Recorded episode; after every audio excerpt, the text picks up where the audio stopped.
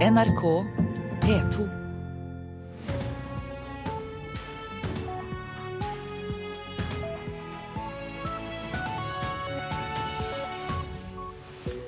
Øystein Heggen ønsker deg velkommen til Nyhetsmorgen tirsdag 9.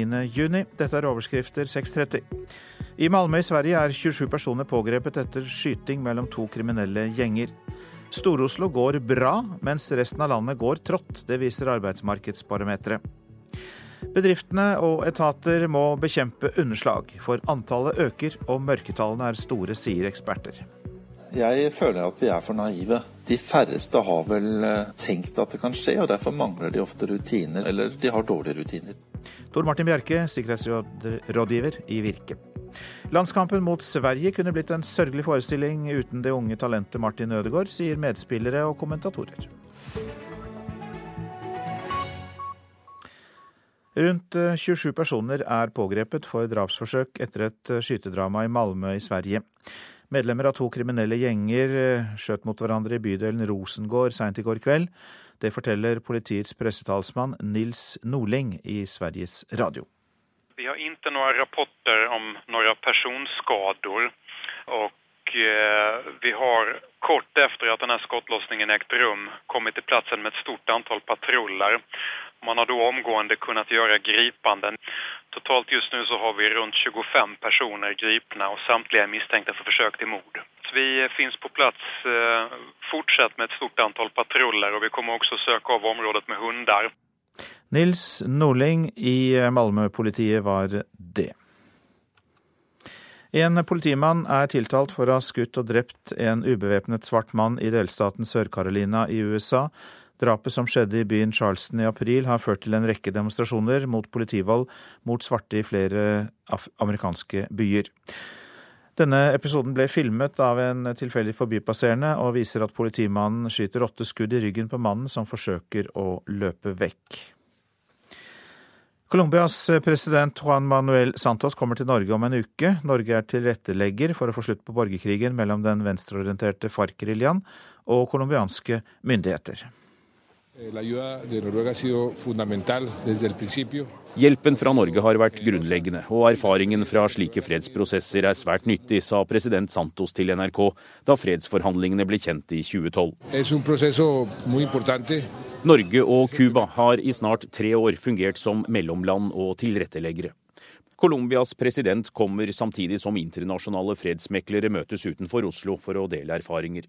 Juan Manuel Santos skal, etter det NRK kjenner til, delta på samlingen, men også ha politiske samtaler og innom Slottet under det offisielle besøket. Anders Tvegård orienterte. Stor-Oslo går bra, mens resten av landet går trått. Det kommer fram i Manpowers arbeidsmarkedsbarometer for tredje kvartal. Undersøkelsen måler arbeidsgivernes planer for antall ansatte de neste tre månedene. Yes, Ny bong, én steg sandwich, kan gå. På kjøkkenet til restaurant Fjøla i Østbanehallen i Oslo sentrum har kokk Tobias Borten og kollegaene nok å finne på. Ny bong, en burger takk, med ost. Restauranten åpnet for noen måneder siden. En kyllingsalat, glutenbrød takk. Og så langt er eieren godt fornøyd. Nei, det har jo gått eh, veldig bra til nå. Sier administrerende direktør i SSP, Morten Solberg Nilsen. Selskapet han leder, driver serveringssteder på en rekke flyplasser og togstasjoner i Norge. Totalt sett i Oslo-området så eh, opplever vi en eh, moderat, men stabil vekst når vi sammenligner mot i fjor, og det tror vi vel at det vil fortsette. Så Det betyr at dere kan tenke seg å øke antall ansatte framover? Ja, det er en konsekvens av at det går oppover. Og det er særlig hovedstadsområdet som skiller seg ut. På den positive siden i Manpowers arbeidsmarkedsbarometer for tredje kvartal. For mens bremsene slås på og luker skalkes mange steder i landet, er det fortsatt dem som ser lyst på de kommende tre månedene. Vi ser spesielt at det er Stor-Oslo, altså arbeidsgiverne rundt Oslo-området, som er de mest optimistiske for øyeblikket. Sier konsernsjef i Manpower-gruppen, Målfrid Bratt. Eh, og de skiller seg dramatisk ut fra hva vi ser resten av landet. Og Hva kan grunnen være til det? Det tyder på at vi er fortsatt mindre oljeavhengig her i Oslo-området. Eh, samtidig som handels- og servicenæringen går bra, ifølge de barometrene vi nå ser. Mens optimismen råder i hovedstadsområdet, går det altså langt tråere i resten av landet. Aller trådest går det i øst og i nord. Og ser man Norge under ett, er framtidstroa i undersøkelsen like svak nå som den var under finanskrisens herjinger i 2009. Fortsatt så er det flere arbeidsgivere som sier de skal ansette, enn eh, en de som sier at de skal nedbemanne. Men jeg vil kalle dette et veldig nøkternt eh, barometer. Reporter Halvard Norum. Det ble anmeldt flere underslag til politiet i fjor, og ikke nok med det, ekspertene tror mørketallene er store. Og de mener norske bedrifter og offentlig virksomhet bør bli flinkere til å forhindre at ansatte stikker penger i egen lomme. I Bergen kommune har vi allerede lært en lekse, sier kommunaldirektør Ove Foldnes. Vi ønsker oss å fremstå som en veldreven kommune. Januar i år. En tidligere mellomleder i Bergen kommune dømmes til fengsel i to år og to måneder. Gjennom ti år svindlet han kommunen for nærmere seks millioner. Flere underslagssaker de siste årene har vært en tankevekker for Bergen. Det sier kommunaldirektør for finans og eierskap Ove Foldnes. Det har jo gjort at vi har satt et ekstra fokus på dette. Vi har skjerpa internkontrollen vår kraftig. Men mange norske virksomheter gjør for lite for å hindre underslag. Det mener sikkerhetsrådgiver i Virke, Tor Martin Bjerke. Jeg føler at vi er for naive. De færreste har vel eh, tenkt at det kan skje, og derfor mangler de ofte rutiner, eller de har dårlige rutiner. I fjor ble det meldt 1776 underslag til politiet. Det er om lag 200 flere saker enn året før. Men mørketallene er trolig store, sier Bjørke. Det forsvinner eh, PC, det forsvinner eh, elektronikk, det forsvinner ting fra rekvisitalagre. Det er blitt en trend. Frode Karlsen er leder for økonomiavsnittet ved Hordaland politidistrikt. Han sier de prioriterer de groveste sakene. Men også han mener mange bedrifter kan bedre rutinene. Generelt så er det noen som er veldig flinke, andre som er altfor lite flinke. Den tidligere mellomlederen i Bergen sendte ut fiktive fakturaer til kommunens kunder. Ove Foldnes er sikker på at kommunen nå har gode rutiner for å hindre flere underslagssaker. Men man kan aldri sikre seg helt, sier han. Vi har i hvert fall um, rydda vei for um, at det sånn ikke bør kunne skje. Reporter var eh, Siri Løken. Det kan bli vanskeligere boligmarked for ungdom dersom kommunene skal bosette 10 000 ekstra flyktninger fra Syria. Det frykter flere ordførere, som mener at eh, problemer med nok boliger er et av de største hindre for å ta imot flere flyktninger. 60% av norske ordførere mener kommunen deres ikke har nok boliger til å kunne bosette 10 000 ekstra flyktninger fra Syria. Det viser en undersøkelse som NRK har gjort. Om man likevel må finne plass, kan det gå utover unge som forsøker å etablere seg i boligmarkedet, sier Arbeiderpartiordfører Eirik Haga i Vaksdal kommune i Hordaland. Når eh, huseierne inngår avtale med kommunen om utleie av boliger til flyktninger, så kan det gå utover egne ungdommer som skal ut av redet. Vaksdal mangler både boliger og penger til å bygge ut kommunalt.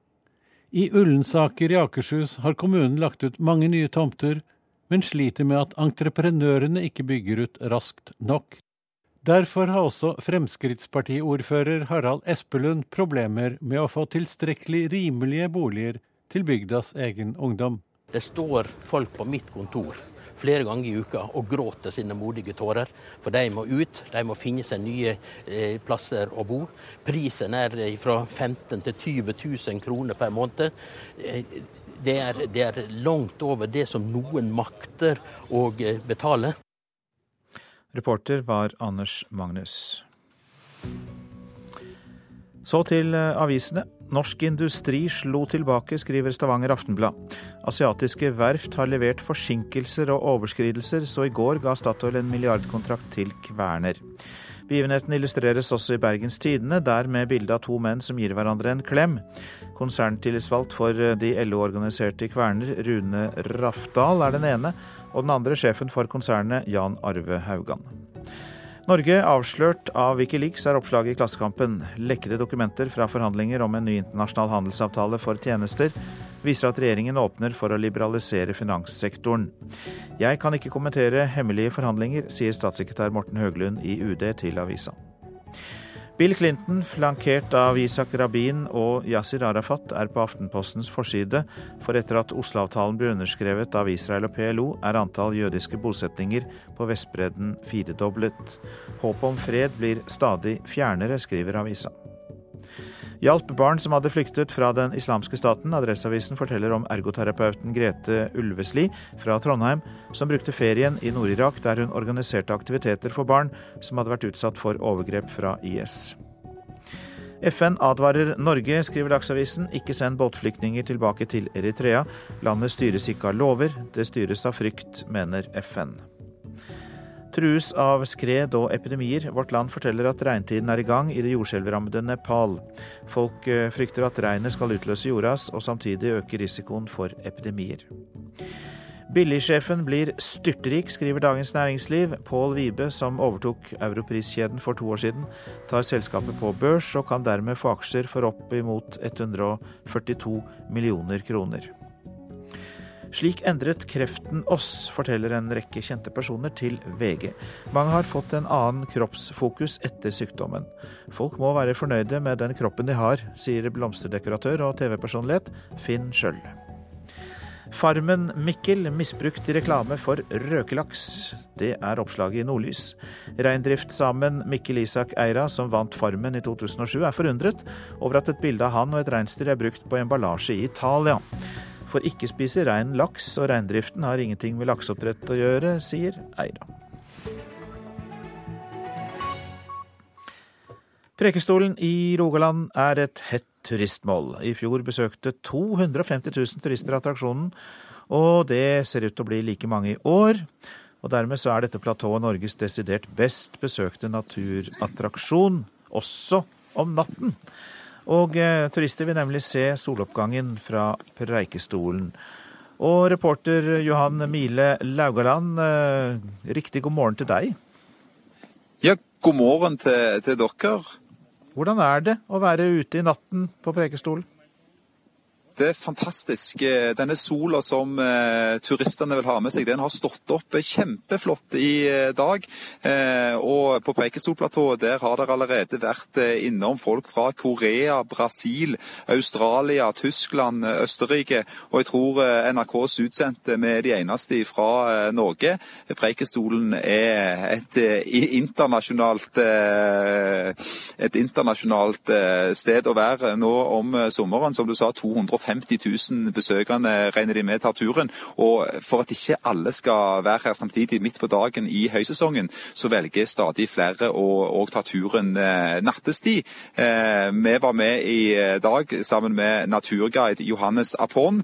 Han eh, hadde med seg seks turister som han guida fra Stavanger klokka ett i natt. Gikk oppover med hodelykt og nådde fram til soloppgangen.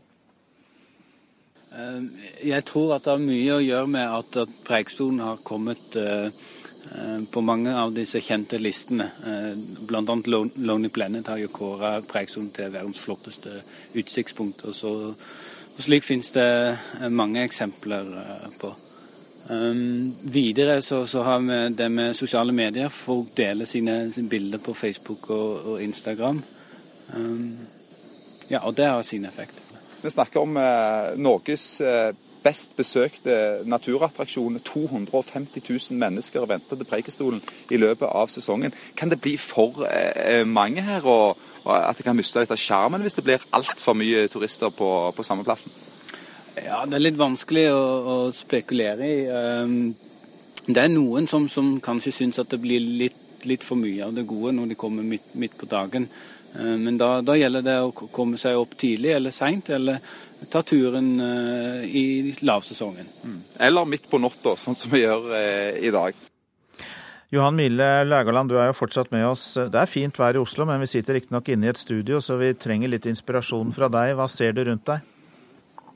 Ja, Rundt oss så ser vi jo eh, blå himmel, sola har eh, stått opp. Lysefjorden den ligger blanke og fine. Sola speiler seg i eh, Lysefjorden. Det er noen små skyer på himmelen, men det ser ut til å bli en flott dag i Rogaland. Men det er ikke den store varmen. Det er kaldt. Folk som sitter der oppe nå og, og nyter utsikten, de har, er godt kledde. De har på seg stillongs og de har òg pledd rundt seg. Men en strålende flott dag. og Snøen har smelta. Gode forhold forhold for de som skal, skal, gå opp. Eh, og De regner med at det blir mellom 1000 eh, og 2000 som tar turen til Preikestolen i dag, eh, selv om høysesongen ennå er noen uker unna.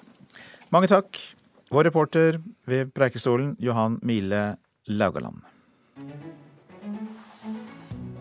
Klokka den passerte nettopp kvart på sju. Dette er hovedsaker i Nyhetsmorgen. I Malmö i Sverige er 27 personer pågrepet etter skyting mellom to kriminelle gjenger. Stor-Oslo går bra, mens resten av landet går trått. Det viser Arbeidsmarkedsbarometeret.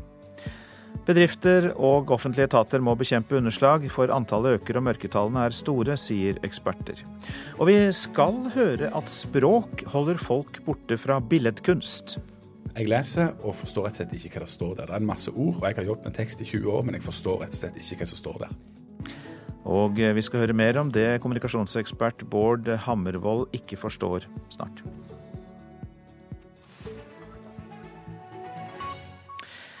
Heldigvis eh, hadde Norge Martin Ødegaard. Det sier medspillere på landslaget og NRKs fotballekspert. Eh, det ble jo 0-0 mot Sverige i privatlandskampen i går, men det kunne blitt en sørgelig forestilling hadde det ikke vært for at 16-åringen fra Drammen dominerte i annen omgang.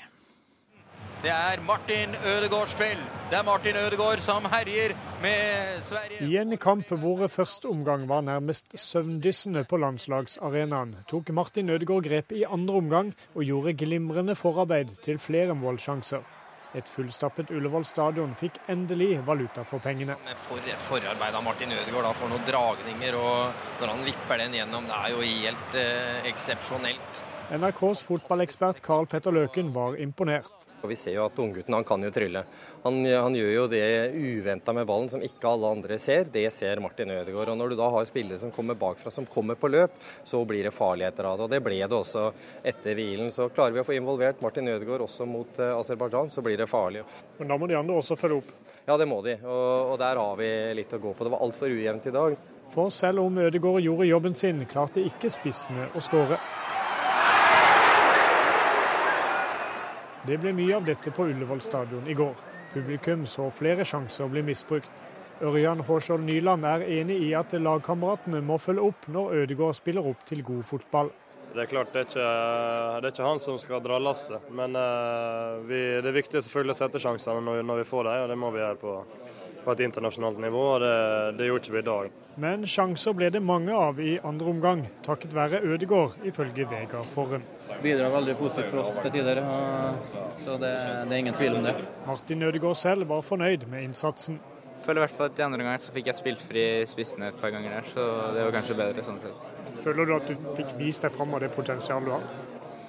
Tja, jeg føler jeg fikk vist meg fram med noen anledninger der hvor jeg får spilt gjennom de andre og, og få ballen, så var greit nok. Real Madrid-spiller Martin Ødegaard der, til vår reporter Geir Elle. Tenk deg at du skal trekke en kølapp, og at du er blind. Det er ikke så enkelt. Stadig flere tjenester blir jo automatisert, og når mennesket blir byttet ut med en automat, så blir det vanskeligere for de som ikke ser, mener Norges Blindeforbund. Å hente ut sin medisin kan være en prøvelse for mange. Den, ja. Da skal jeg gå der, og så hvis jeg går da framover her, så skal jeg finne en automat her borte. Oi, den forlates. Det går bra. Ja. Vi er med 67 år gamle Kåre Eriksen på apoteket på Nordbyen kjøpesenter i Larvik. Kåre er blind og prøver å finne fram til kølappautomaten inne i butikken. Her, her er den, tenker jeg. Nei, jo. Er det her den er? Nei, her er det ikke. Der er den. Der er den, ja. En undersøkelse blant Norges Blindeforbunds medlemmer viser at billett- og kølappautomater er en av de største utfordringene blinde møter i hverdagen. Automaten han står ved nå er touchbasert og gir ingen lyd fra seg. Og da Hvis jeg går oppover her nå, så skal det være et glass her som jeg skal kunne trykke på. Og det er der, antagelig. Nå skal jeg trykke her, trodde jeg, for å få ut en lapp. Men det virka ikke. Nei, for nå kom, nå kom, det ut en lapp her. Og gjorde det, ja? Ja, det kom ut en litt nede her. også. Men du har jo ingen anelse om hvilket nummer du har fått? Nei, jeg har ikke det. Og jeg vet ikke hvor jeg får den ut igjen heller. Nå, nå hørte du den plingen? Det er antageligvis en pling oppi taket, så kom det fram et nummer så med luketall på. Og da skulle jeg møte der. Ja. Det har jeg for så vidt ikke sjans til. Kåre Eriksen er leder i tilgjengelighetsutvalget i Blindeforbundet, avdeling Vestfold, og kjemper for at butikker, kjøpesentre og andre skal utforme lokalene sine slik at blinde og synshemmede kan finne fram, og at eh, ting som er enkle for seende, som å trekke kølapp, blir enklere også for blinde. For en enkel løsning her, for det første ei lederlinje fra døra og bort hit, sånn at jeg kunne bruke stokken min for å finne den automaten.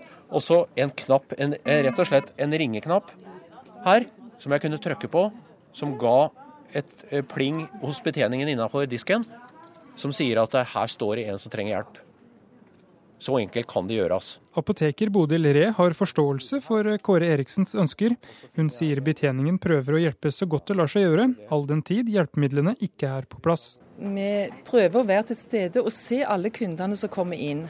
Og hvis vi hadde sett en komme inn med en blindestav, så ville vi selvfølgelig gått rett bort til den personen og spurt hva vi kunne hjelpe med, og legge forholdene til rette og hjelpe dem til å trekke kølapp og, og hjelpe dem til å få ekspedert medisinene sine. Den hvite stokken er Kåres beste venn. Det er mange som bruker den for lite, mener han.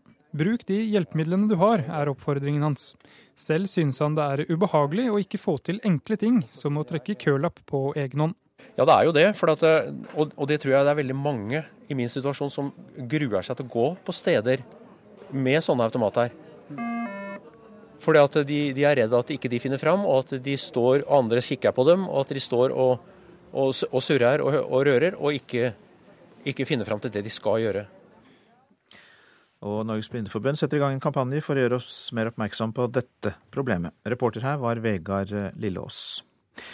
I går kveld lanserte Apple sin strømmetjeneste for musikk. Navnet blir ikke så veldig overraskende, da. Apple Music. Og det er all grunn til å tro at det blir en suksess, sier musikkforsker Daniel Norgård. Konkurransefortrinnet skal være innhold i tillegg til musikk, og muligheten for at artister kan snakke til og med fansen. Og som vanlig var entusiasmen stor da Apple-sjefen fortalte om nyvinningen. Apple Music, the next chapter in music, and I know you are going to love it. Det var sedvanlig hallelujastemning på Apples årlige utviklerkonferanse, der sjefene pleier å fortelle om de store nyhetene. Apple Music er en tjeneste mange har ventet på, og som en ekstra karamell bød Apple-sjef Tim Cook på verdenspremiere på artisten The Weekends nye låt fra scenen i San Francisco.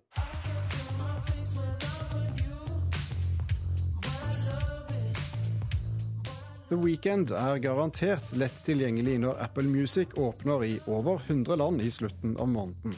Totalt vil tjenesten by på 37 millioner sanger i første omgang. Musikk som kan strømmes så mange ganger du vil til en fast pris. Daniel Norgård forsker på musikkbransjen ved Universitetet i Agder.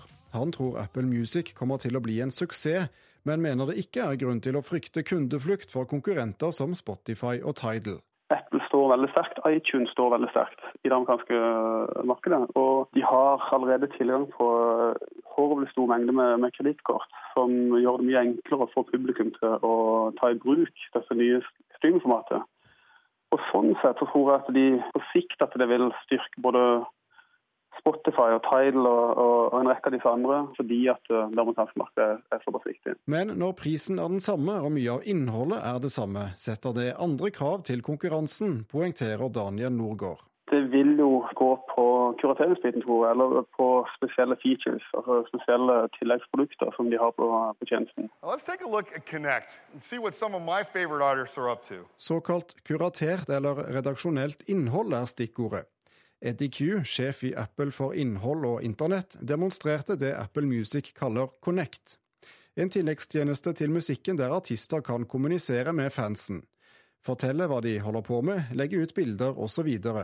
Som denne bakom-videoen fra innspilling med britiske Bastille.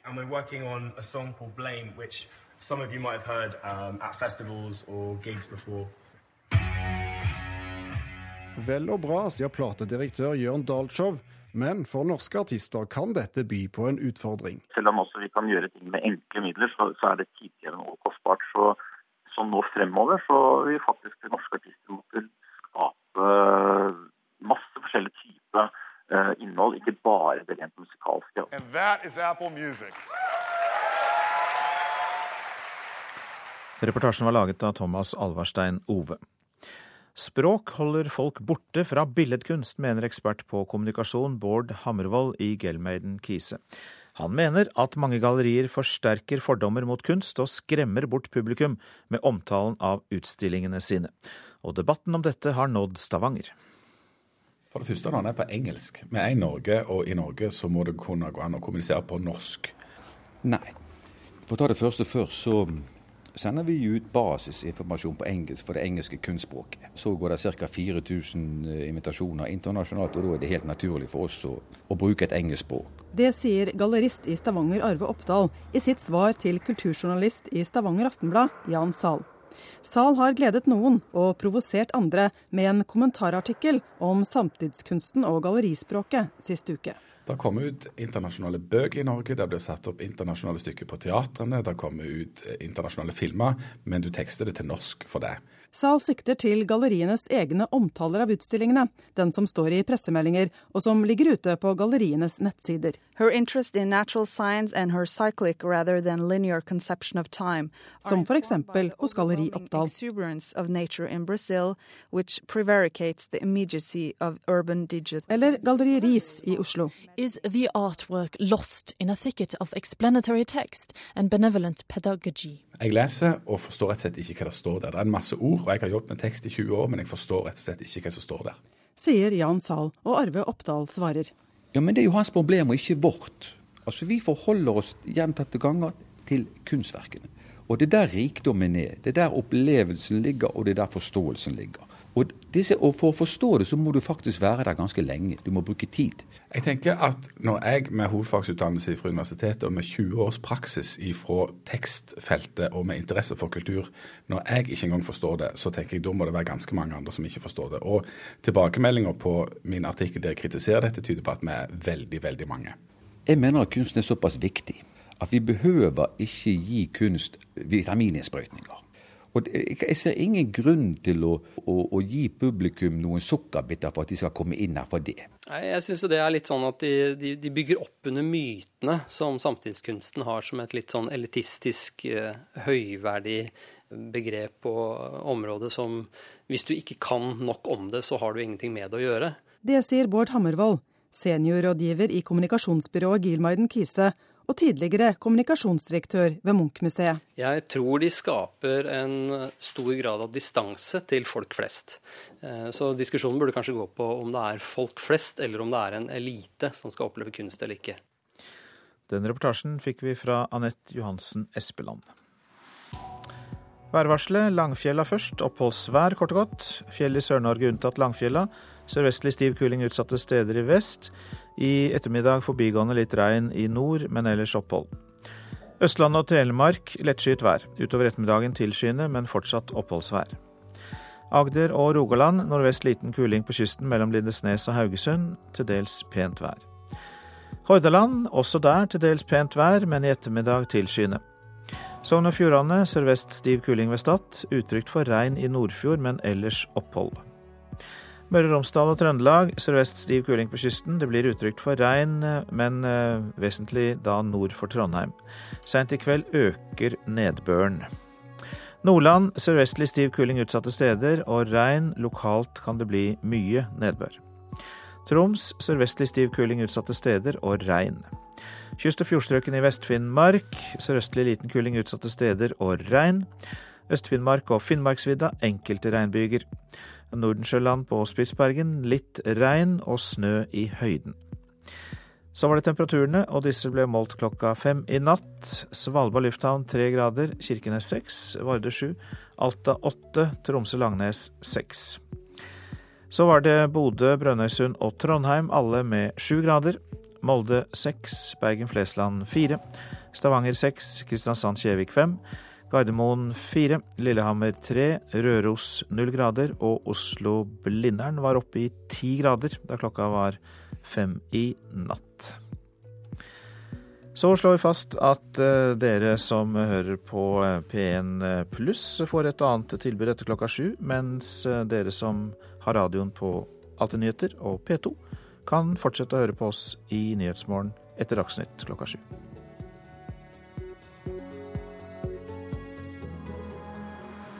NRK P2.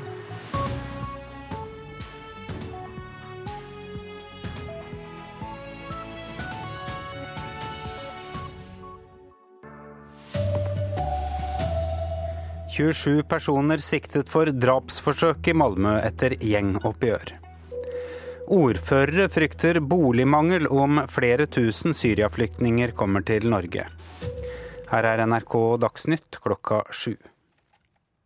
Rundt 27 personer er pågrepet for drapsforsøk etter et skytedrama i Malmö i Sverige. I bydelen Rosengård seint i går kveld begynte medlemmer av to kriminelle gjenger å skyte mot hverandre. Det sier politiets pressetalsmann Nils Norling til Sveriges Radio. Vi har ikke noen rapporter om noen personskader. og vi har kort efter at denne skottlossningen ägt rum kommet til platsen med et stort antall patruller. Man har då omgående kunnet gjøre gripanden av samtlige mistenkte for forsøk til mord. Vi finns på plats eh, fortsatt med et stort antall patruller og vi kommer også søke av området med hundar. Nato er svært bekymret for at eh, IS kan ha mulighet til å lage en såkalt skitten bombe med radioaktivt materiale, ifølge regjeringen i Australia. I, et, eh, i, avisa The Australian eh, sier utenriksminister Julie Bishop at ekstremistgruppa kan ha skaffet seg radioaktive stoffer fra sykehus og forskningsinstitusjoner i området den har erobret. Ungdom som vil inn på boligmarkedet kan få problemer om kommunene skal bosette 10 000 ekstra flyktninger fra Syria, slik flertallet på Stortinget vil. Det frykter flere ordførere. En av dem er Arbeiderpartiordfører Eirik Haga i Vaksdal i Rogaland. Han mener at få boliger er et av de største hindrene for å ta imot flere flyktninger. Når eh, huseierne inngår avtale med kommunen om utleie av boliger til flyktninger, så kan det gå utover egne ungdommer som skal ut av redet. 60% av norske ordførere mener kommunen deres ikke har nok boliger til å kunne bosette 10 000 ekstra flyktninger fra Syria. Det viser en undersøkelse som NRK har gjort. Det står folk på mitt kontor flere ganger i uka og gråter sine modige tårer. For de må ut, de må finne seg nye eh, plasser å bo. Prisen er fra 15 til 20 000 kroner per måned. Eh, det er, det er langt over det som noen makter å eh, betale. Altså Frp-ordfører i Ullensaker, Harald Espelund, reporter Anders Magnus. Sammenslåingen av Helse Sør og Helse Øst har ikke gitt bedre behandling av pasienter. Det konkluderer Sintef i en fersk rapport, ifølge Aftenposten. De tre helseministrene som var sentrale i sammenslåingen, bl.a. sittende minister Bent Høie, vil foreløpig ikke kommentere saken. Forskerne har bl.a. sett på styrevedtak, økonomi, dokumenter og intervjuet 100 personer. NRK Dagsnytt, Arild Svalbjørg. Og her i Nyhetsmorgen spør vi hva NHOs attføringsbedrifter kan gjøre for å få de som henger igjen med Nav-ytelser, som vi hørte om i Dagsnytt, eh, få dem inn i arbeid i stedet. Statsbedriftene har så få kvinnelige sjefer at næringsministeren kaller inn styrelederne. Politimann tiltalt for drap etter at skyting ble filmet av forbipasserende i Sør-Carolina i USA i april. Og mange norske sauer må se langt etter drømmen om grønt gress og sommerbeite i fjellet. Ja, Vi hørte litt om det i Dagsnytt også. Nesten halvparten av alle voksne som får Nav-stønad for å komme tilbake i arbeid, mottar samme stønad etter fem år. Den kalles arbeidsavklaringspenger og skal sikre folk inntekt i en periode hvor de er for syke til å jobbe. Men for folk i 30- og 40-årene blir svært mange værende på denne Nav-ytelsen i år etter år. Det, det, har vært en del ting å lære seg, ja. Det, forskjellen på dekkbeis og åndebeis og sånne ting. Det, det, var litt sånn stress i begynnelsen, men det begynner å gå seg til nå. Læringskurven har vært bratt for Lars Gulbrandsen. Etter nesten tre år med arbeidsavklaringspenger er han endelig på vei ut i jobb igjen. Som han selv kaller det, som kontorrotte. Det viktigste er å ta imot anbud på Finn, anbudsorg og sånt, hvor folk legger ut malejobber, flyttejobber, vaskejobber. Men 39-årige Lars er et hederlig unntak. For de fleste som får arbeidsavklaringspenger, blir slett ikke avklart for arbeid. Blant personer i 30- og 40-årene så er det over 100 000 som mottar arbeidsavklaringspenger hvert år. Anne Hege Strand er Fafo-forskeren som i dag legger frem rapporten som viser at Personer som mottar arbeidsavklaringspenger gjør det veldig lenge. De er mange år inne i denne ordningen. Hvor lenge er det snakk om? Hvis du ser på gruppen eh, som er i 30- og 40-årene, så er de personene, 40% av dem, inne i fem år eller lenger. Det vi nok må gjøre mer av, er å satse på formell utdanning og omskolering for de som trenger det. Sier tjenestedirektør i Nav, Bjørn Gudbjørgsrud. Han erkjenner at arbeidsavklaringspengene ikke fungerer optimalt. Vi bør nok se på innretningen av eh, arbeidsavklaringspengeordningen. Samtidig så tenker jeg at det er bedre at de går i denne ordningen, og at vi forsøker å få de over i arbeid, enn at vi slipper de inn i en varig uføretrygd. Eh, ytelsen heter arbeidsavklaringspenger, men de færreste avklares jo for arbeid. Eh, hvorfor er det sånn? Eh, vi ser at en del har så store helseutfordringer at de skal ha en varig uførepensjon. For, for, den gruppa så tenker jeg det er greit. Så ser vi at eh, vi får flere i arbeid nå enn vi gjorde med de som kom først i ordningen, fordi de har stått så lenge utenfor så tenker jeg at det avgjørende her er at vi klarer å finne virkemidler hvor vi trekker inn mer formell utdanning, hvor vi klarer å få personer i arbeid samtidig som de kanskje har helseoppfølging. Jeg er kontorrotte. For Lars er praksisperioden snart over. Etter sommeren er han forespeilet fast jobb. Da kan det bli dobbelt feiring. Ja, jeg fyller jo 40 til høsten nå, så vi kan jo slå sammen og ta en skikkelig fest med venner og kjente. Det kan det være grunn til. Reporter her, det var Fredrik Lauritzen. Johan Martin Leikvoll, god morgen til deg. God morgen, ja. Du er direktør for attføringsbedriftene i NHO Service. og Det betyr at du representerer da de som skal hjelpe folk å komme tilbake i arbeidslivet. Og da møter du mange av dem, og mange av dine bedrifter møter dem. Hvorfor blir de værende på stønad så lenge, tror du? Ja, altså, eh, dette innslaget her, så er det vel viktig å slå fast at ordningen med arbeidsavklaringspenger det er en stønad til livsopphold. Og en stønad til livsopphold, det, det er jo ikke et arbeidsmarkedstiltak. Altfor mange blir gående altfor lenge på arbeidsavklaringspenger uten å få en god arbeidsevnevurdering fra Nav og nødvendig arbeidsrettede tiltak. Og jeg er nok dessverre redd for at eh, ordningen med arbeidsavklaringspenger i for stor grad er blitt et venteværelse for uføretrygd, istedenfor en start for å komme inn i arbeidslivet gjennom aktive arbeidsrettede tiltak. Men er det da dere som ikke klarer å få dem i sving gjennom attføringsbedriftene, eller er det noe galt med selve stønaden? Det er iallfall ikke noe galt med selve stønaden i seg sjøl. For det er, eh, det er helt klart at eh, hvis du går og ikke arbeider, så skal du ha noe å leve av. Mm. Stønaden er jo et, eh, et, en nødvendig ytelse for livsopphold. Eh, om det er vi, så kan det jo selvfølgelig diskuteres. Vi fikk 6000 tilbake til jobb i fjor, og vi er fornøyd med det, men vi kan få flere i jobb. Men jeg tror det er noe i veien med systemet. Når folk må vente fra de er blitt sykemeldt til de er kommet til en arbeidsrettet tiltak mellom to og tre år, så må det gå gale. Og Dette er folk med psykiske lidelser, folk med sammensatte utfordringer. Og det er viktig å være klar over at mange av disse kan komme tilbake til arbeid hvis de får nødvendig oppfølging. Men da er det noe med ventetiden, da? Noe med denne perioden som er for lang. Hvordan kan vi sette inn støtet for å endre det? Ja, det har jo Det er vel nesten alle enige om. Men ingen gjør det? Ingen gjør det? Ja, nei, det skjer jo veldig lite på det. Eh, eh, det, det, det er kanskje Hvis jeg kanskje skal si det sånn, da, så har jo man eh, Når man må vente to til tre år, så har jo man såkalte For alvorlige sykdommer, f.eks. kreft, så har man såkalt pakkeforløp. Det skal ta så og så lang tid før du får en diagnose. Det skal ta så og så lang tid før du kommer i gang. Og Nå dreier jo ikke dette seg om liv og død, men det dreier seg faktisk om du skal komme i jobb eller komme på unødvendig uføretrygd. Du vil ha samme pakkesystemet inn i arbeidslivet? Jeg vil ha et pakkeforløp mm. på denne måten. Og da må politikerne være villige til å sette opp dette som ideelle fordringer. Og så kan det godt være det at vi ikke får det helt til, men du må iallfall formulere problemstillingen og si at fra så og så lang tid skal det gå før vedkommende får en arbeidsevnevurdering. Så og så lang tid skal det gå før vedkommende kommer i et arbeidsrettet tiltak. Og Hvis vi hadde hatt et klart mål på dette, så tror jeg langt flere ville kommet i arbeid. Og vi har gjort visse forsøk på dette. Noen steder har man gjort dette. og med enorme gevinster. Folk går raskere gjennom, flere kommer i jobb, og samfunnsøkonomien tjener voldsomt på dette. Hvor har de lykkes, da? De har lykkes i en god del fylker. F.eks. i Nord-Trøndelag har de gjort noe av dette. En god del i Vestfold har gjort dette. Og der har de fått såkalte, vi kaller det ikke for pakkeforløp, men mer sømløse tilbud uten ventetid. Flere jobb, færre på trygd, og dette går mye fortere.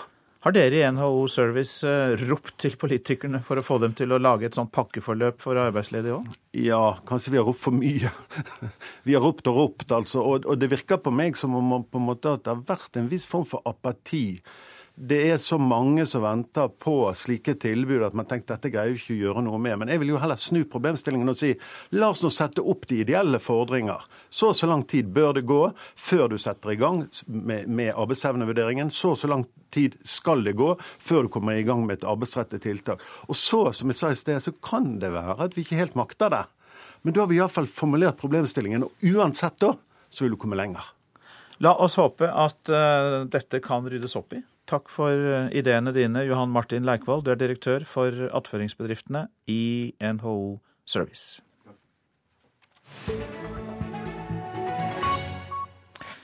Sammenslåingen av de store helseforetakene sør og øst har ikke gitt noe bedre tilbud til pasientene. Mange av målene med fusjonen mellom de to helseforetakene er ikke oppnådd, viser en ny rapport. Det er forskere ved Sintef som har sett nærmere på sammenslåing av helsetilbudet i ti fylker til ett helseforetak, Helse Sør-Øst, som ble vedtatt i 2007. Og konklusjonen er klar, sier prosjektleder Tarald Rode til Aftenposten.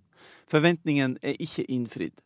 Pasientene har ikke fått noe bedre tilbud, og selv om helseforetaket har oppnådd balanse i økonomien, så er det ikke påvist at dette har med sammenslåinga å gjøre. Giganthelseforetaket skulle dessuten frigjøre fagfolk fra Oslo-området som kunne brukes i resten av landet. I stedet er det blitt 1700 flere ansatte nettopp i hovedstadsområdet. Aftenposten har vært i kontakt med to tidligere helseministre og dagens helseminister Bent Høie. Men verken Ansgar Gabrielsen, Sylvia Brustad eller Høie vil kommentere rapporten. På ett område er det framgang.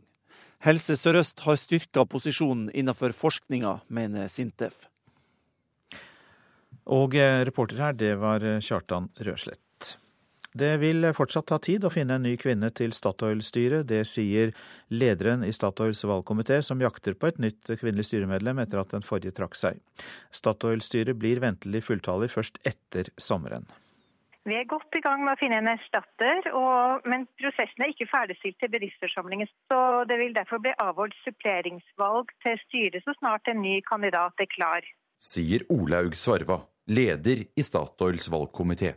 Siden Catherine Hughes trakk seg i april, har Statoil-styret bestått av fem aksjonærvalgte menn og kun to kvinner. Selv om det tilsvarer en kvinneandel på knappe 29 er det ifølge kvoteringsloven tillatt i en overgangsperiode. Og senere i dag velges ventelig et nytt styre på Statoils bedriftsforsamling. Fire menn og to kvinner. Dermed stiger kvinneandelen noe. Og når også Hughes erstatter er på plass, blir det over 40% aksjonærvalgte kvinner i Statoil-styret. Men søket trekker altså ut i tid. Vi tar den tid som er, er, er nødvendig, men men vi regner med å ha et suppleringsvalg eh, etter sommeren en gang. Hvorfor tar det såpass lang tid, når dere da legger fram eh, resten av listen nå på tirsdag? Nå er det sånn at Innstillinga ble lagt frem i tidlig mai, 6. mai. Catherine News eh, trakk seg i bare kort tid før det. Så det er helt normalt at man bruker litt tid på å finne den riktige kandidaten.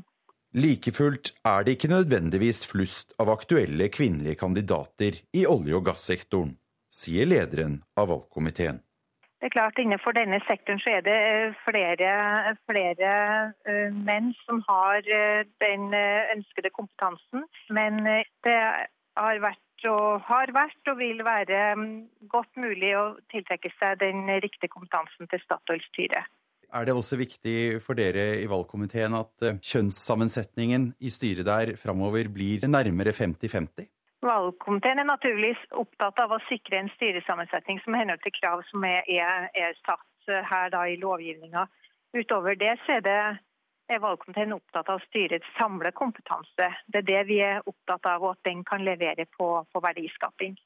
Det er bl.a. erfaring fra olje- og gassindustrien. Vi må ha finansiell kompetanse, ledererfaring, internasjonal erfaring. Og nå fortsetter altså Svarva, og andre statens egen representant i valgkomiteen, jakten på kvinnen som skal hentes inn. For at det ikke finnes kvinner å hente inn, er tøv, sier næringsminister Monica Mæland. Jeg er liksom forbi det punktet at det ikke er kvinner. kvinner. Eh, det er også flere kvinner enn menn som tar høyere utdanning. Det er også flere kvinner enn menn som tar doktorgrad. Det er masse kompetente kvinner eh, eh, i Norge. Vi bør velge av hele befolkningen, ikke av halve. Næringsministeren understreker at Statoil er underlagt oljeministeren, men hun er generelt misfornøyd med andelen kvinner i norske sjefsstoler.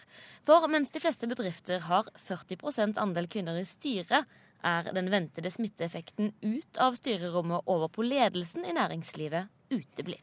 Det er nå eh, snart ti år siden vi fikk nye regler om kvinneandelen i store eh, børsnoterte selskaper, men de har altså ikke i tilsvarende grad eh, eh kommet i ledelsen i selskapet. I dag er det ingen kvinner blant konsernsjefene i de børsnoterte selskapene med statlig eierskap. Og jeg er utålmodig, eh, og jeg er bekymret hvis vi ikke greier å gjøre noe med dette. Fordi det er eh, rett og slett sløseri med viktige samfunnsressurser hvis vi ikke velger av hele befolkningen, men bare halve. Så misfornøyd er Mæland at hun i dag for første gang kaller inn styrelederne i statlige bedrifter til et eget møte om mangelen på kvinner på topp i norsk næringsliv. Jeg er opptatt av at man ikke bare lager strategier, men at man aktivt følger dette opp. Det store statlige lokomotivet Telenor brukte et halvt år på å finne en ny leder. Selskapet lette etter en kvinne, men fant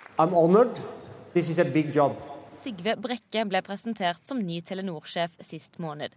På spørsmål om dette var en utløsende årsak til møtet Mæland har kalt inn til i august, svarer hun Våre forventninger knyttet til å øke kvinneandelen i eh, selskapene, de la vi frem i juni i fjor, når jeg la frem eierskapsmeldingen.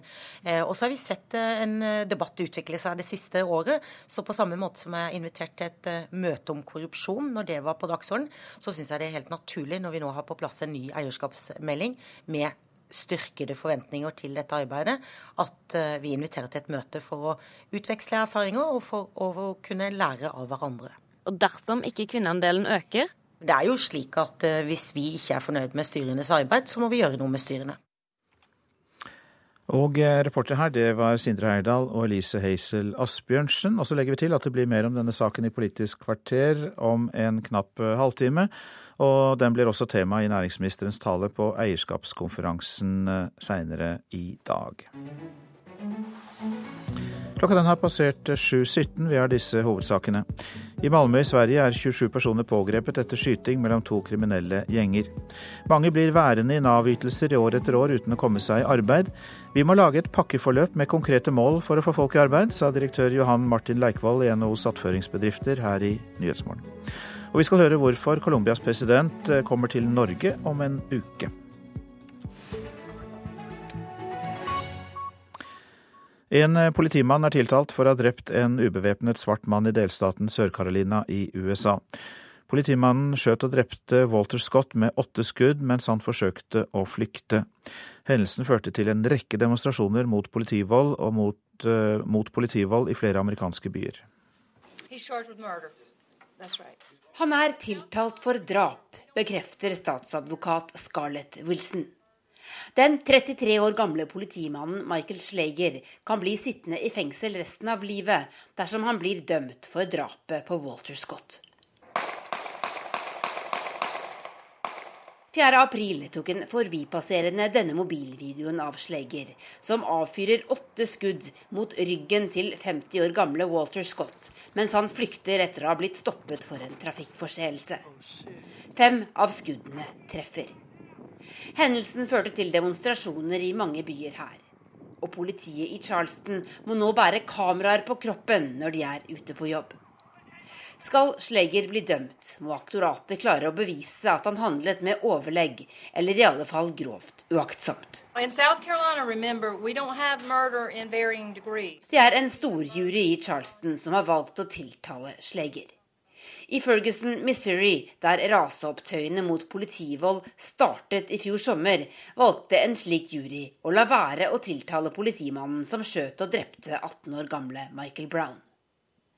I Sør-Carolina er mange lettet nå, men uroen ulmer stadig andre steder her. I går demonstrerte flere hundre ungdommer i Dallas, Texas etter at en politimann kastet en 14 år gammel jente i bikini i bakken i helga. Og i Cleveland, Ohio venter familien til tolv år gamle Tamir Rice stadig på å få vite om politimannen som skjøt og drepte ham i fjor, vil bli tiltalt. Tolvåringen ble skutt på en lekeplass fordi han fektet med en lekepistol. Gruppa sier de ikke stoler på at rettssystemet vil komme til denne konklusjonen, og vil derfor benytte en lite brukt lov i Ohio som gir borgere anledning til å kreve at noen blir tiltalt. Og det var Tove Bjørgaas som rapporterte, hun er vår eh, USA-korrespondent. Syriske hackere har klart å legge ut sine egne meldinger på nettsidene til den amerikanske hæren. Ingen hemmelige informasjoner ble stjålet, men hæren ble nødt til å stenge nettsidene for en periode. Hackergruppen bak angrepet kaller seg Den syriske elektroniske armeen og støtter det syriske regimet. Colombias president Juan Manuel Santos kommer til Norge om en uke. Norge er tilrettelegger for å få slutt på borgerkrigen mellom den venstreorienterte FARC-geriljaen og colombianske myndigheter. Colombias president kommer samtidig som internasjonale fredsmeklere møtes utenfor Oslo for å dele erfaringer. Juan Manuel Santos skal, etter det NRK kjenner til, delta på samlingen, men også ha politiske samtaler og innom Slottet under det offisielle besøket. Santos ønsker å bli husket som presidenten som fikk slutt på Sør-Amerikas lengste og blodigste borgerkrig. Den tidligere forsvarsministeren som ledet krigen mot geriljaen, strekker nå ut en hånd, men utfordringene er store, og generasjoner av colombianere har ikke opplevd fred. Eh, Hjelpen fra Norge har vært grunnleggende, og erfaringen fra slike fredsprosesser er svært nyttig, sa president Santos til NRK da fredsforhandlingene ble kjent i 2012. Norge og Cuba har i snart tre år fungert som mellomland og tilretteleggere. Partene i den 50 år lange borgerkrigen er enige om tre av fem forhandlingskapitler så langt, men det blir ingen signering før alle punktene er på plass. Håpet er at det blir en løsning i løpet av året, og besøket i hovedstaden for Nobels fredspris er med på å heve presidentens profil. Juan Manuel Santos er kjent for å være spontan og ta kjappe avgjørelser. Da han var i London for tre år siden og skulle holde en tale på en skole, gikk han opp på talerstolen, rev i stykker manuset og valgte heller å ha en dialog med elevene i en times tid. Om det blir endringer i programmet eller brudd på protokollen under norgesbesøket, er foreløpig ikke klart sa reporter Anders Tvegård. Så skal vi si litt om hva avisen er opptatt av i dag, i hvert fall på førstesidene. Norsk industri slo tilbake, skriver Stavanger Aftenblad. Asiatiske verft har levert forsinkelser og overskridelser, så i går ga Statoil en milliardkontrakt til Kverner. Begivenheten illustreres også i Bergens Tidende, der med bilde av to menn som gir hverandre en klem. Konserntillitsvalgt for de LO-organiserte i Kverner, Rune Rafdal, er den ene, og den andre er sjefen for konsernet, Jan Arve Haugan. Norge avslørt av Wikileaks er oppslaget i Klassekampen. Lekkede dokumenter fra forhandlinger om en ny internasjonal handelsavtale for tjenester viser at regjeringen åpner for å liberalisere finanssektoren, skriver avisa. Jeg kan ikke kommentere hemmelige forhandlinger, sier statssekretær Morten Høglund i UD. Bill Clinton, flankert av Yitzhak Rabin og Yasir Arafat, er på Aftenpostens forside, for etter at Oslo-avtalen ble underskrevet av Israel og PLO, er antall jødiske bosettere på Vestbredden firedoblet. Håpet om fred blir stadig fjernere, skriver avisa hjalp barn som hadde flyktet fra den islamske staten. Adresseavisen forteller om ergoterapeuten Grete Ulveslid fra Trondheim, som brukte ferien i Nord-Irak der hun organiserte aktiviteter for barn som hadde vært utsatt for overgrep fra IS. FN advarer Norge, skriver Dagsavisen. Ikke send båtflyktninger tilbake til Eritrea. Landet styres ikke av lover, det styres av frykt, mener FN trues av skred og epidemier. Vårt Land forteller at regntiden er i gang i det jordskjelvrammede Nepal. Folk frykter at regnet skal utløse jordras, og samtidig øke risikoen for epidemier. Billigsjefen blir styrtrik, skriver Dagens Næringsliv. Pål Vibe, som overtok Europriskjeden for to år siden, tar selskapet på børs og kan dermed få aksjer for opp mot 142 millioner kroner. Slik endret kreften oss, forteller en rekke kjente personer til VG. Mange har fått en annen kroppsfokus etter sykdommen. Folk må være fornøyde med den kroppen de har, sier blomsterdekoratør og TV-personlighet Finn Schjøll. Farmen-Mikkel misbrukt i reklame for røkelaks, kan vi lese om i Nordlys. Reindriftssamen Mikkel Isak Eira, som vant Farmen i 2007, er forundret over at et bilde av han og et reinsdyr er brukt på emballasje i Italia. For ikke spiser rein laks, og reindriften har ingenting med lakseoppdrett å gjøre, sier han. Men fra laks og rein til sau. Norske sauer må nemlig se langt etter grønt gress og sommerbeite i fjellet. Det har en sein og kald vår sørget for. På gården Kvisla i Hol kommune i Buskerud har sauebonde Ivar G. Slettemoen 1000 sauer som venter på å komme seg til fjells. Altså, det er nok ingenting eh, som ligner på beite over 850, vil jeg si. Altså på 1000 meter, 1050, så er det like mye snø som det er bart. Og der det er bart, så er det ikke grønt. Egil Kristoffer Hoen er leder i Buskerud Bondelag. Han er også bekymra for sauebøndene på flatbygdene i fylket. For mange av de sender også dyra sine på sommerbeite i fjellet. Både under Hallingskarvet og i Fødalen og i Jungsdalen. Det er jo utfordringer i år når du ser at uh, snøen holdt på å si, fortsatt laver ned i fjellet, så blir det veldig seint slett. Ja, hva er utfordringene, da? Er det rovdyr?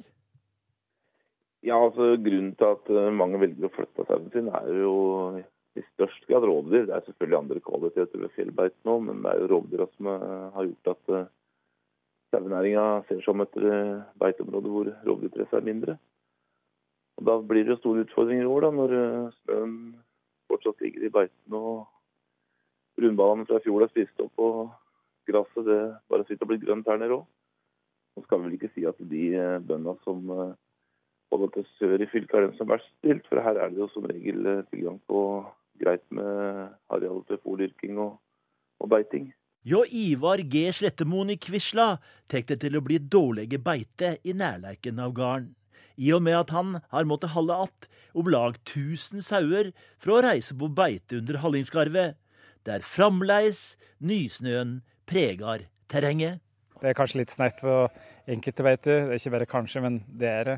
det er litt lite beite i nærheten av gården, altså? Ja, altså at en del beite klarer seg veldig fint, men der vi slapp aller først, så, så er det nå blitt det snaut. Så vi skulle gjerne tatt ut en del og fått over eh, litt lenger og høyere opp. Ja. Men det er for dårlig der òg, altså. Hvor mange sau har du nå som skal opp mot Hallingskarvet? Nei, det, det, er vel Det nærmer seg ikke 1000, kanskje. Altså at uh, at uh, det, det, er jo en god flokk, og det må være gode beiter før du kan slippe innover der. altså. Ja. Jeg var oppover i dag i beiteområdet ditt, og det, jeg så jo med sjølsyn at det var både is og snø der. Da. Mer enn grønt, uh, grønt gras. Ja, nei, det er enormt. Det det er mye når du skal slippe på nærbeite med 1000 sau. Ja, nei, det, det, krever veldig masse vårbeite, så det klarte seg veldig bra. Så du slipper jo seinere, i hvert fall over ei uke seinere enn normalt. Mm. Slik at uh, det beitet som er snaut, så slapp du som normalt. Det var forskjellige grunner til at du yngste det, men skjønte vel at det kom til å bli snaut når det har vært så kaldt som det var. da. Lamma dine skal til høsten bli, eh, for å være litt brutal, hallingskarvelam. Så det er mange som venter på deg, da? Ja, nei, det er klart det. Altså at uh, det sunneste kjøttet er fra beitende dyr, det er det ingen tvil om. Nei. Slik at uh, nå når det er uh, kjølig, så, så, får vi jo optimalt gode fettsyrer òg, så det henger sammen. Altså en nødvendighet for å danne den typen fettsyre når det er kaldt. Ja, det sa sauebonde Ivar G. Slettemoen fra gården Kvisla i Hol kommune i Buskerud. Og reporteren som hadde vært der, var Gunnar Grimstveit. Du lytter til Nyhetsmorgen. Vår produsent i dag, Marit Selmer Nedrelid. Her i studio, Øystein Heggen. Tyskerne ler av britene om dagen. Ja, jeg sier ikke mer. Du får mer i reportasjen etter Dagsnytt. Og hvordan skal vi skaffe kvinnelige ledere til næringslivet? Det blir debatt om det mellom Arbeiderpartiet og Høyre i Politisk kvarter.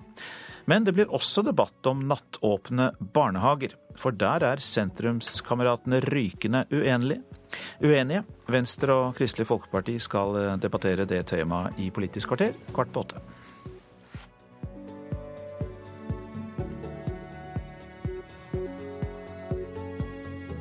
NRK P2.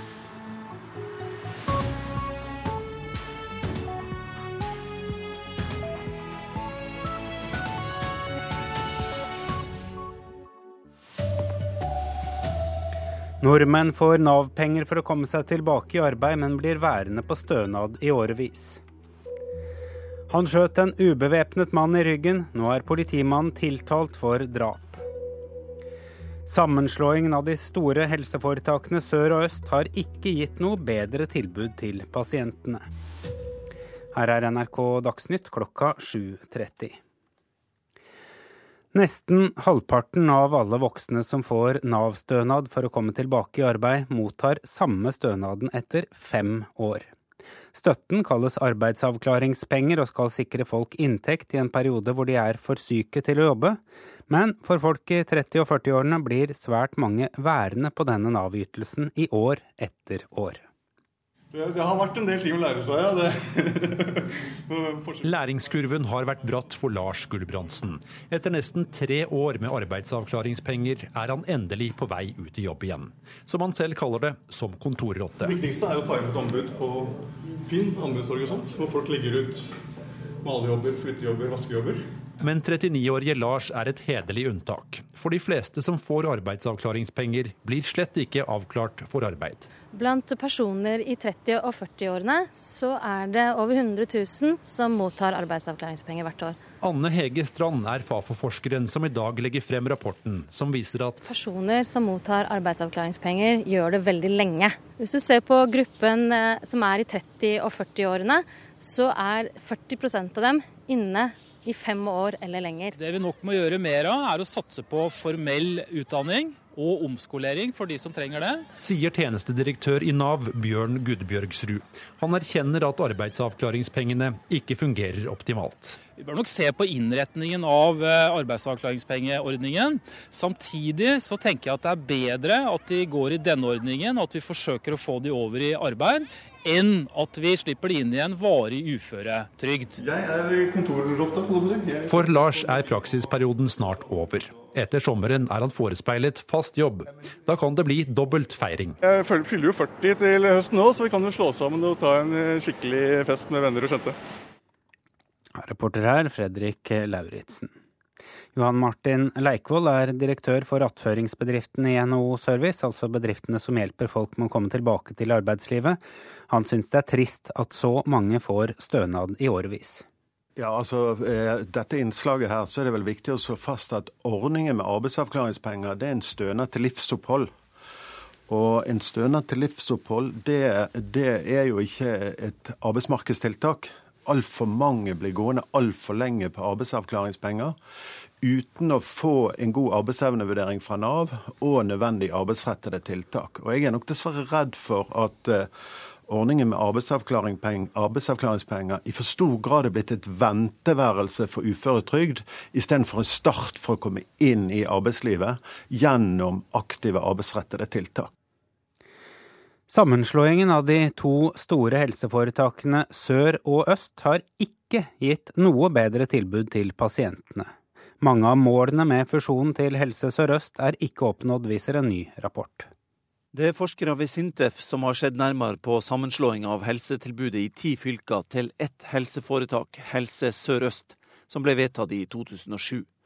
Og konklusjonen er klar, sier prosjektleder Tarald Rode til Aftenposten. Forventningen er ikke innfridd. Pasientene har ikke fått noe bedre tilbud, og selv om helseforetaket har oppnådd balanse i økonomien, så er det ikke påvist at dette har med sammenslåinga å gjøre. Giganthelseforetaket skulle dessuten frigjøre fagfolk fra Oslo-området som kunne brukes i resten av landet. I stedet er det blitt 1700 flere ansatte nettopp i hovedstadsområdet. På ett område er det framgang. Helse Sør-Øst har styrka posisjonen innenfor forskninga, mener Sintef. Reporter Kjartan Røslett. I Malmö i Sverige er 27 personer pågrepet mistenkt for drapsforsøk etter et skytedrama i bydelen Rosengård sent i går kveld. Politiet i Skåne antar at medlemmer av to kriminelle gjenger skjøt et stort antall skudd mot hverandre. Ifølge Sveriges Radio ble ingen personer skadet i skytingen. En politimann er tiltalt for å ha drept en ubevæpnet svart mann i delstaten Sør-Carolina i USA. Politimannen skjøt og drepte Walter Scott med åtte skudd mens han forsøkte å flykte. Han er tiltalt for drap, bekrefter statsadvokat Scarlett Wilson. Den 33 år gamle politimannen Michael Schleger kan bli sittende i fengsel resten av livet dersom han blir dømt for drapet på Walter Scott. 4. april tok en forbipasserende denne mobilvideoen av Slegger, som avfyrer åtte skudd mot ryggen til 50 år gamle Walter Scott, mens han flykter etter å ha blitt stoppet for en trafikkforseelse. Fem av skuddene treffer. Hendelsen førte til demonstrasjoner i mange byer her. Og politiet i Charleston må nå bære kameraer på kroppen når de er ute på jobb. Skal Schleger bli dømt, må aktoratet klare å bevise at han handlet med overlegg, eller i alle fall grovt uaktsomt. Det er en storjury i Charleston som har valgt å tiltale Schleger. I Ferguson, Missouri, der raseopptøyene mot politivold startet i fjor sommer, valgte en slik jury å la være å tiltale politimannen som skjøt og drepte 18 år gamle Michael Brown. I Sør-Carolina er mange lettet nå, men uroen ulmer stadig andre steder her. I går demonstrerte flere hundre ungdommer i Dallas, Texas etter at en politimann kastet en 14 år gammel jente i bikini i bakken i helga. Og i Cleveland, Ohio, venter familien til tolv år gamle Tamir Rice stadig på å få vite om politimannen som skjøt og drepte ham i fjor, vil bli tiltalt. Det rapporterte vår USA-korrespondent Tove Bjørgaas. Colombias president Juan Manuel Santos kommer til Norge om ei uke. Norge er tilrettelegger for å få slutt på borgerkrigen mellom den venstreorienterte FARC-geriljaen og colombianske myndigheter. Colombias president kommer samtidig som internasjonale fredsmeklere møtes utenfor Oslo for å dele erfaringer. Juan Manuel Santos skal, etter det NRK kjenner til, delta på samlingen, men også ha politiske samtaler og innom Slottet under det offisielle besøket. Santos ønsker å bli husket som presidenten som fikk slutt på Sør-Amerikas lengste og blodigste borgerkrig.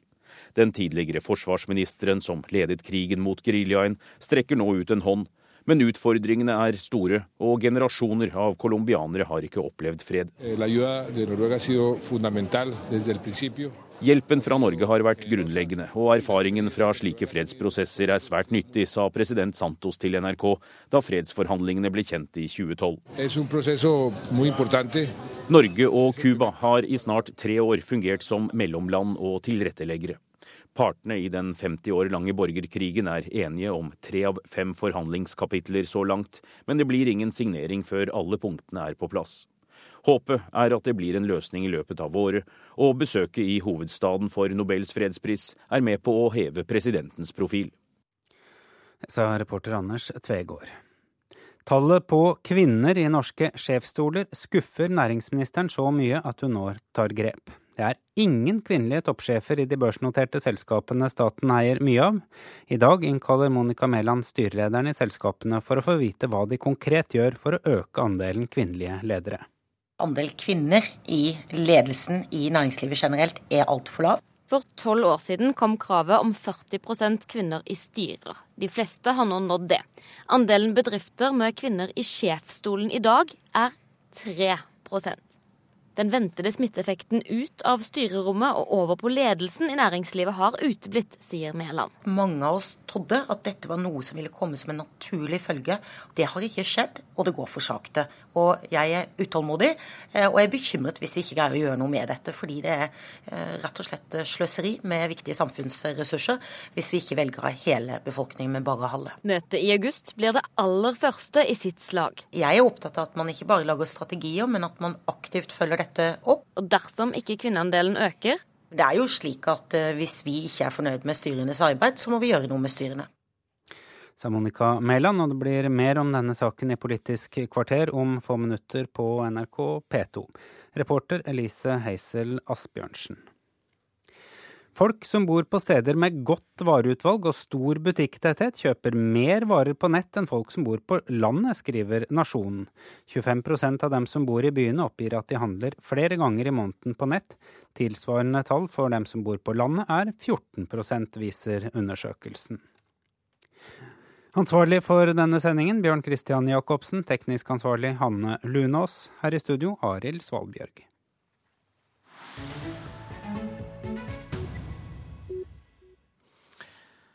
Du lytter til uh, Nyhetsmorgen. Et uh, britisk farvel til EU kan koste landet dyrt, 2,2% av bruttonasjonalprodukt ifølge enkelte analytikere. Men uh, så langt er det først og fremst britenes selvbilde som får gjennomgå, i hvert fall av tyske satirikere. TV-kanalen ZDFs Hoiter-show, som sammenlignes med The Daily Show med John Stewart, får Europa til å le. Das britische Innenministerium hat noch vorgeschlagen, alle Flüchtlingsboote einfach zurückzuschicken. Verstehen Sie das nicht falsch. Also England ist schon für Solidarität, nur halt auf englische Art. Det britiske innenriksdepartementet har bestemt seg for å sende alle båtflyktninger tilbake. Men ikke misforstå. England er faktisk for solidaritet. Bare på den britiske måten. Um Som statsministeren deres David Cameron sier, det er viktig for oss å redde liv, men ikke å gi asyl. Derfor bringer vi flyktningene til Italia og andre land. Vel, det er akkurat slik jeg selv gjør det. Når jeg ser en hjemløs person på gata, tar jeg ham rett til en pizzarestaurant og sier Her, gi denne fyren noe å spise. Det er den tyske satirikeren Oliver Welke som gjør seg morsom på britenes bekostning. Hver fredag leder han Hoiter-show på TV-kanalen ZDF. Han sparker til alle kanter, og denne gangen er det britene og deres idé om å forlate EU som får gjennomgå. For har ikke britene allerede en rekke privilegier som andre i unionen ikke har? De betaler lavere avgifter og har til og med fått lov til å beholde ordentlige penger istedenfor euro, sier Welke, og illustrerer det hele med brettspillet «Ekstravorst».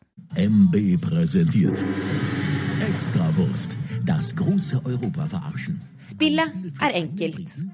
Hver gang briten blir irritert på motspillerne fra andre EU-land, kan han dra frem en pølse. Som f.eks. når det kommer en flyktningebåt over Middelhavet. Da kan briten dra frem pølsevåpenet og sende flyktningene tilbake til kontinentet. Vorsicht, da kommt ein Boot voller Flüchtlinge, aber nicht mit Ekstrawurst betyr direkte oversatt ekstra pølse, men er også et tysk uttrykk for særbehandling. Med andre ord, det oppdiktede brettspillet Ekstrawurst er det kun briten som kan vinne. Denne uka møtte bondeskansler Angela Merkel til en bakgrunnsprat med alle oss utenrikskorrespondentene her i Berlin. Hun ble spurt om mye. Bl.a. ville BBC vite hva hun skal gjøre for å overtale Storbritannia til å bli i EU.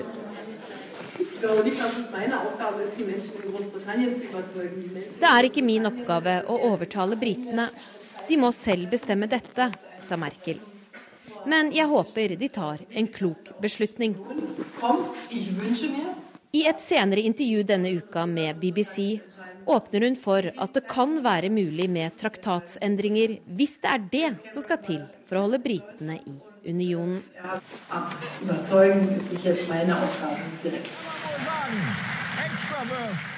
Det ligger med andre ord an til mer ekstravurst og enda flere lissepasninger til Hoitershow. Guri Nordstrøm, Berlin.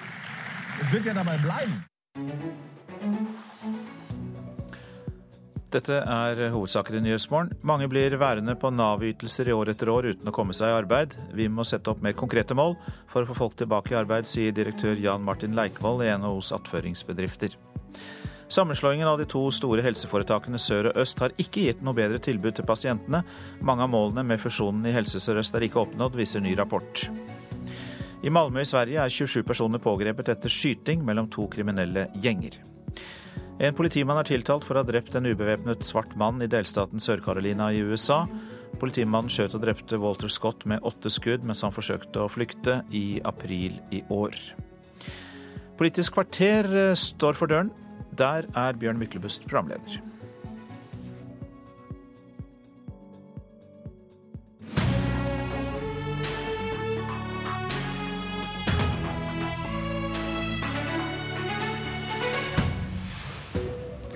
Monica Mæland er misfornøyd med for få kvinnelige ledere i næringslivet. Næringsministeren har rotet i verktøykassa, og hun finner et brev. Styrelederne må stille på hennes kontor for å forklare seg. Hva med å gi noen sparken? Og er du for eller mot nattåpne barnehager? For ordens skyld, de to sakene har ingenting med hverandre å gjøre. Velkommen til Politisk kvarter, Monica Mæland. Takk. Hva tror du hadde sendt det tydeligste signalet å innkalle styrelederne til et møte, som de gjør nå, eller å bytte ut Svein Aaser, som nylig byttet ut en mann med en mann som Telenor-sjef? Jeg tror på aktive eiere, og da handler det både om å kalle inn, som du kaller det. Jeg kaller det å invitere. Det har vi gjort før når vi har hatt viktige saker på dagsordenen. Eh, vi hadde et møte om korrupsjon i fjor. Og det handler jo om at jeg kan få være tydelig på hvilke forventninger vi som stat og eiere har. Og så handler det jo om å utveksle erfaringer, få eh, styrene til å redegjøre for hvilken jobb de gjør, og ikke minst hvilke resultater de har. Jeg tror det er veldig nyttig for styrene, og det er i hvert fall nyttig for oss som eiere. Og så er det jo sånn, og det jeg også sagt noen ganger, at hvis styrene ikke gjør jobben sin, enten det er på dette området eller på andre områder, ja, så bør det få konsekvenser. Men hva hadde sendt det tydeligste signalet? Ja, jeg har svart på det. Jeg kan som eier være aktiv eier på dette området, og det er opptatt av å være. Vi har forsterket våre forventninger i eierskapsmeldingen, som ble vedtatt av Stortinget nå i februar. Vi er veldig tydelige på at vi forventer at styrene tar tak i dette, lager strategier. Og da handler det ikke om bare å lage planer, men det handler faktisk om å eh, gjøre noe med dette. Og så kan vi måle styrene på de resultatene de oppnår. Men jeg har sett at du bl.a. til Svein Aaser så ga du tydelige signaler om at du ba han se etter kvinnelige ledere til den ledige Telenor-jobben. Han fant en mann. Hva skal du si på dette møtet som du ikke har sagt før? Nei, Jeg tror det er viktig å holde fast ved den arbeidsfordelingen vi har, og som et samlet storting er enig i. Det er styrene som ansetter daglig leder. Det er styrenes ansvar å gjøre jobben. Det jeg som eier kan gjøre, er å sørge for at den prosessen blir brei, at man aktivt leiter etter kvinner, og ikke minst at man lager gode strategier, har gode programmer for å rekruttere flere kvinner. Men hva skal det du, er hva skal du, arbeidsfordelingen har. spørsmålet var hva skal du si som du ikke har sagt før? Nei, som sagt så er dette nå et tydeligere signal fra oss som eiere. Vi har nylig vedtatt en eierskapsmelding hvor vi har eh, forsterket våre forventninger.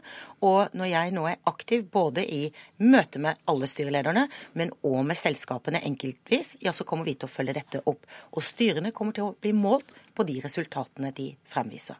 Else May Botten, du sitter i næringskomiteen for Arbeiderpartiet. Ville du sparket Aaser?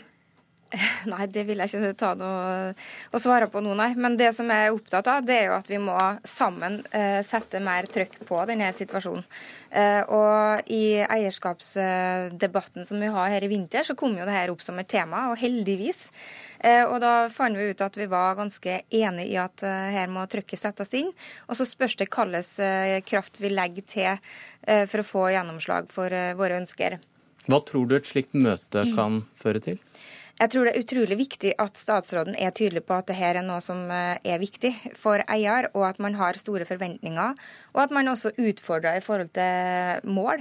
eh, Og, og kan tallfeste en del eh, krav i forhold til for det er lettere å forholde seg til. Og jeg har også snakka med veldig mange av disse damene som er ledere i statlig eide selskap, og de er ekstremt motivert for å ta opp dette temaet. Og det tror jeg viser at eh, det er ikke det at de ikke vil, at damer ikke vil, men det er måten man kjører de her rekrutteringsprosessene på som man må se på. Hva er det du savner fra Mæland? Jeg savna en rekrutteringsstrategi som vi la inn i vårt forslag i eierskapsmeldinga, der, der, man både begynner å jobbe på å se på årsaken til at det ikke er flere damer der, og hvordan vi kan få få gjort noen endringer med det. Uh, meldingene fra de damene her er jo at her kandidatutvalgene, uh, de som plukker nye ledere, gjerne består av menn. Og at det er en eh, konsekvens av at menn plukker menn. Så vi må utfordre på hvor vi har damer hen i de rekrutteringssystemene òg. Men samtidig så er det noe med rekrutteringsstrategi, karriereplanlegging og sånn når damer kommer inn i de her selskapene, sånn at man begynner å lukte på toppen ganske tidlig og finne ut hvordan man skal tilegne seg den kompetansen som skal til. Ja, nå tror jeg ikke vi er så veldig uenige. Det uenigheten handlet om her, det var at Arbeiderpartiet ønsket at Stortinget skulle lage den strategien. Jeg ønsker at styrene skal gjøre det. Det er styrene som kjenner selskapene, det er styrene som har en bevissthet i forhold til dette, og det er styrene som må gjøre jobben. Vi som eiere kan stille krav og vi kan følge opp hvis styrene ikke gjør jobben. Men jeg opplever at det er stor enighet om dette. Vi må gjøre noe. Det er slik at eh, det i statlige uh, selskaper er for lav kvinneandel, men det er det faktisk i hele næringslivet. Og jeg har òg varslet at vi er nødt til å gå i dybden på eh, og finne forklaringer på hva som er forskjell på næringslivet og f.eks. offentlig sektor, akademia, eh, organisasjonsliv, politikk. Vi har altså en kvinnelig statsminister, en kvinnelig finansminister. halvparten av Stortinget er kvinner, hardt arbeidende politikere. Eh, I akademia så vinner de eh, nobelprisen i medisin. Eh, de er rektorer, de er professorer. Men i næringslivet greier vi det ikke. Så vi må gjøre flere ting enn bare å skrive et brev. Jeg er opptatt av at dette blir noe mer enn symbolpolitikk. Og jeg tror at de fleste av oss er ganske utålmodige nå på å se at noe skjer. Det er krav om 40% kvinner i styrene. Hva med et slikt krav når det gjelder ledelse? Vi la jo det inn som et ønske i forhold til den rekrutteringsstrategien, at du skulle ha det som et mål. Eh, og når den ikke blir lytta til, så tenker jeg at eh, når Monica sier at eh, hun er veldig opptatt av det her, men skjønner ikke hvorfor damer ikke går inn i toppledelsen, så tenker jeg at da trenger vi en sånn type strategi som kan lage det her Eh, skulle du si, kartet som vi faktisk skal operere i, for å få flere damer til å ta denne topplederstillinga. Ja, nå vil Stortinget få anledning til å diskutere dette, fordi eh, vi skal fremme en likestillingsmelding hvor dette selvfølgelig blir et tema. Man skal, man skal få rikelig anledning. Men det er altså styrene som skal rekruttere, det styrene skal ansette, og de skal ansette de de mener er best. Det må vi holde fast ved. Det har vi vært enige om, at det er en arbeidsfordeling vi Hvis har hatt. Hvis konsekvensen som til nå eh, gjør at det blir menn, da? Ja, er, Kanskje Sigve Brekke var den rette mannen for, for ja, Vi diskuterer ikke enkeltselskaper. du må jo det hvis det skal gi det konsekvenser i framtida. Så må du, må, må du, vel inn og velge deg ut noen som du skal kaste, da, hvis de ikke gjør jobben. Da må du jo inn og mene noe om enkeltselskaper. Men jeg forstår ikke denne debatten. Det er da jobben vår som eier å kaste styret som ikke gjør jobben vår. Jeg skjønner ikke hvorfor det er Men du sier samtidig at du ikke vil bry deg om enkelte ansettelsesprosesser? Jeg kommer ikke i mediene til å sitte og diskutere enkeltpersoner og enkeltselskaper. Jeg er opptatt av nå at vi får gjort en jobb, at styrene tar dette på alvor, og at vi som eiere er mye mer aktive enn det vi har vært før. Ja, Vi er opptatt av at damer faktisk slipper til, og at man har mye mer fokus på det. Og når det gjelder kvinner og 40% inn i, inn i styrer, så ser vi jo òg at det er veldig mange damer som går igjen i de her styrene, så de blir på en måte eh, styregrossister. Og Det er òg en utfordring. Vi må få flere til å få bli rekruttert inn i de styrene, og vi må få flere damer til, på toppen. Monica Mæland, Else May Botten, takk for at dere kom til Politisk kvarter.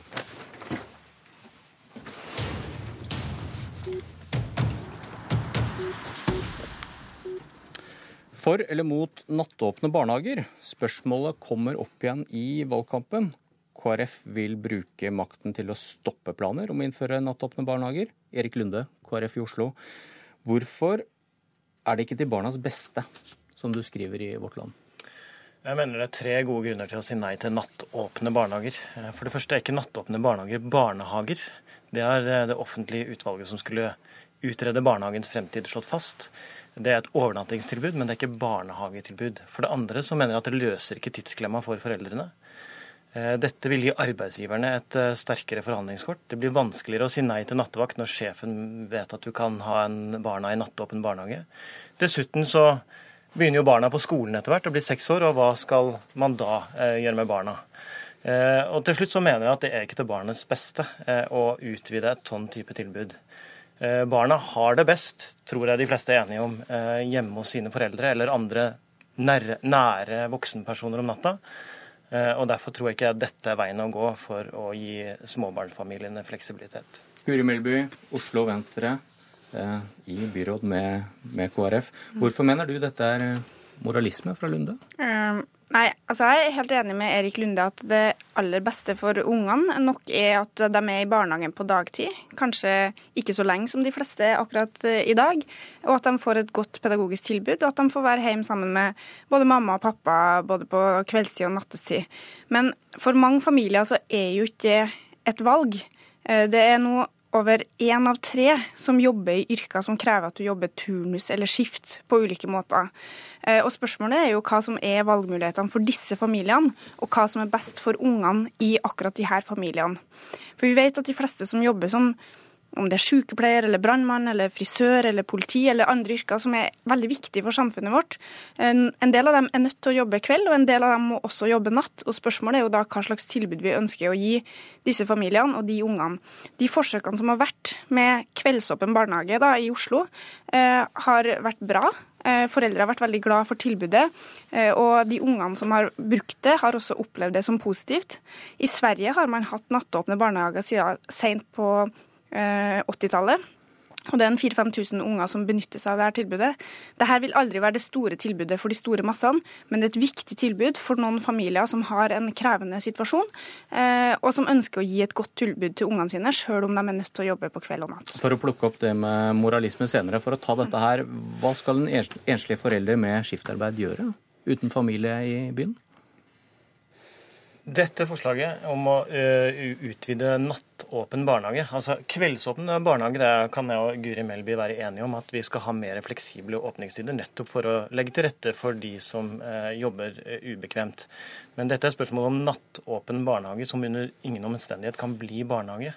Og jeg mener at det er en fallitterklæring overfor arbeidstakerne dersom vi sier at det vi har å tilby eh, småbarnsforeldre eh, som jobber ubekvemt, er nattåpen barnehage.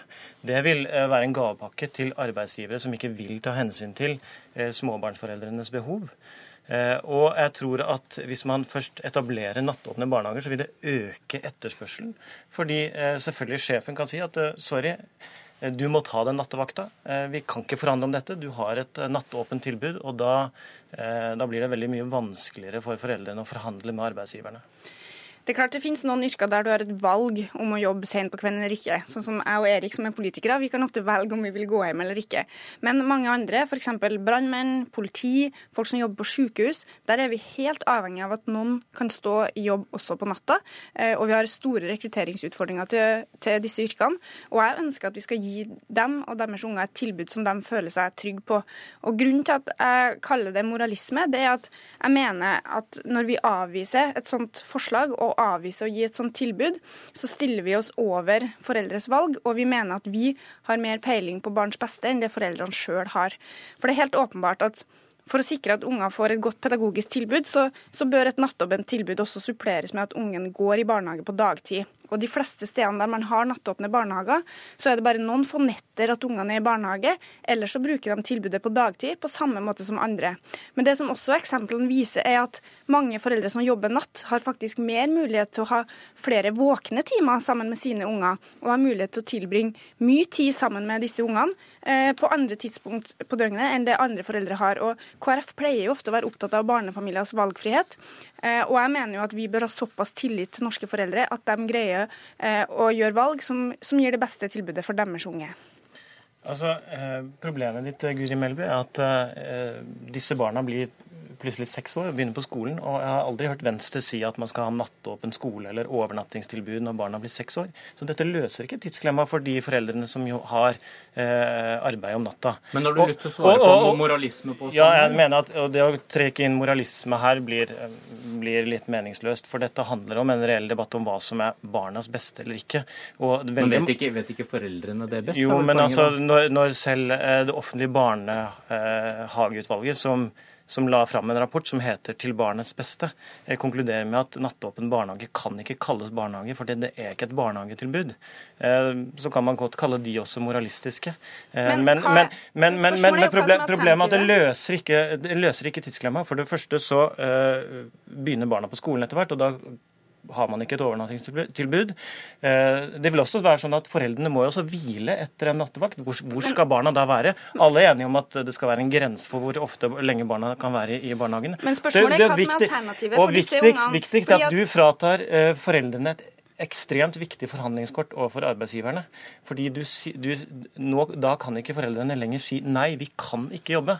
Altså, vi må som, finne en annen løsning. Men som samferdselsbyråd i Oslo for eksempel, så kan ikke jeg si at uh, alle brannmenn uh, kan jobbe bare dagtid. Det vil være helt umulig for oss. Vi kan heller ikke ha det sånn at alle politi og alle sykepleiere jobber dagtid. Noen er nødt til å jobbe natt. Og spørsmålet er hva som er alternativet. Skal disse ungene overnatte forskjellige folk, tanter, besteforeldre, eller skal de få et godt og trygt tilbud med pedagoger som kjenner ikke noe valg. Vi er nødt til å si takk for at dere kom til Politisk kvarter. Jeg heter Bjørn Myklebust.